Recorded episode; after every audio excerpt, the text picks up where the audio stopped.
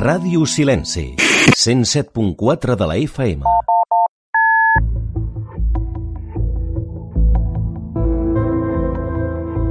La Garriga Fosca, amb Jordi Junqueras.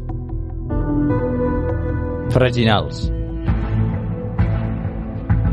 Dintre d'aquell autocar havia cares de son, altres ben despertes i algunes dormides. Tots eren estudiants d'Erasmus de la Universitat de Barcelona. Provenien de països molt diversos i havien passat el dia a València per motiu de les falles. Aquest autocar, amb 61 persones, era l'últim d'un comboi de 5 vehicles de la companyia Autocares Alejandro de Mollet del Vallès i es dirigien a Barcelona. Encara els hi quedaven un parell d'hores per arribar. En el quilòmetre 333 de la AP7, a l'alçada de Freginals, es va produir el fatal accident. Aquell 20 de març de 2016, a les 6 de la matinada, va passar l'accident de trànsit més greu dels últims 20 anys a l'estat espanyol. 13 estudiants, la majoria joves italianes, van morir i altres 43 varen resultar ferides de diverses consideracions. Així explicava com va succeir l'accident el llavors conseller d'Interior de la Generalitat, Jordi Gené.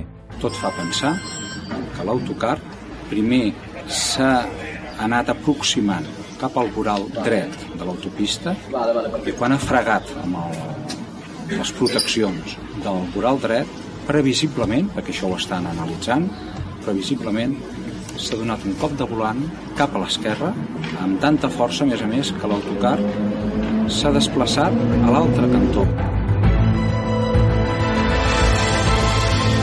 Aquesta tragèdia té una relació directa amb el poble de la Garriga. Un dels seus veïns era el conductor de l'autocar sinestrat. Aquest va patir ferides lleus i va declarar el mateix dia a la comissaria dels Mossos d'Esquadra de Tortosa. Va donar negatiu a les proves d'alcoholèmia i de drogues. Mesos després de l'accident, a l'atestat de la policia catalana va concloure que la causa de l'accident va ser degut a la son i el cansament del conductor. La comparativa amb dos autocars del mateix comboi demostraven una conducció erràtica en els moments previs dels fets.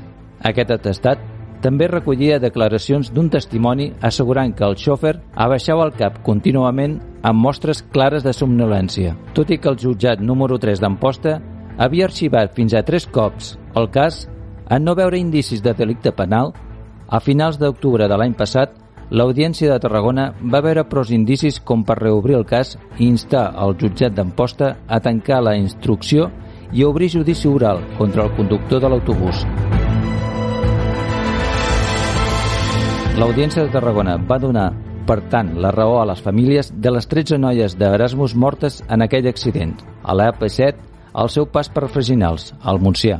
Consideren els magistrats de la secció segona que hi ha prou fonament per jutjar el conductor per 13 delictes d'homicidi per imprudència greu i diversos delictes de lesions per imprudència.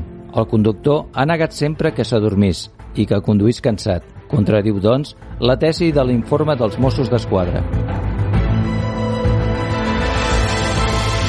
El dia següent de l'accident va fer acte de presència el primer ministre d'Itàlia, Matteo Renzi, rebut pel president de la Generalitat, Carles Puigdemont. Curiosament, el màxim mandatari italià tenia una relació personal amb la família d'una de les víctimes. Al cap d'un any, es va fer un acte de record a les víctimes amb la presència dels seus familiars, davant un monument al mateix lloc de la tragèdia.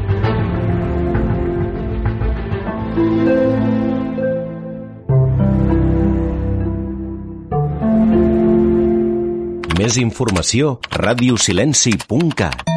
Ràdio Silenci, la que et sona la Garriga.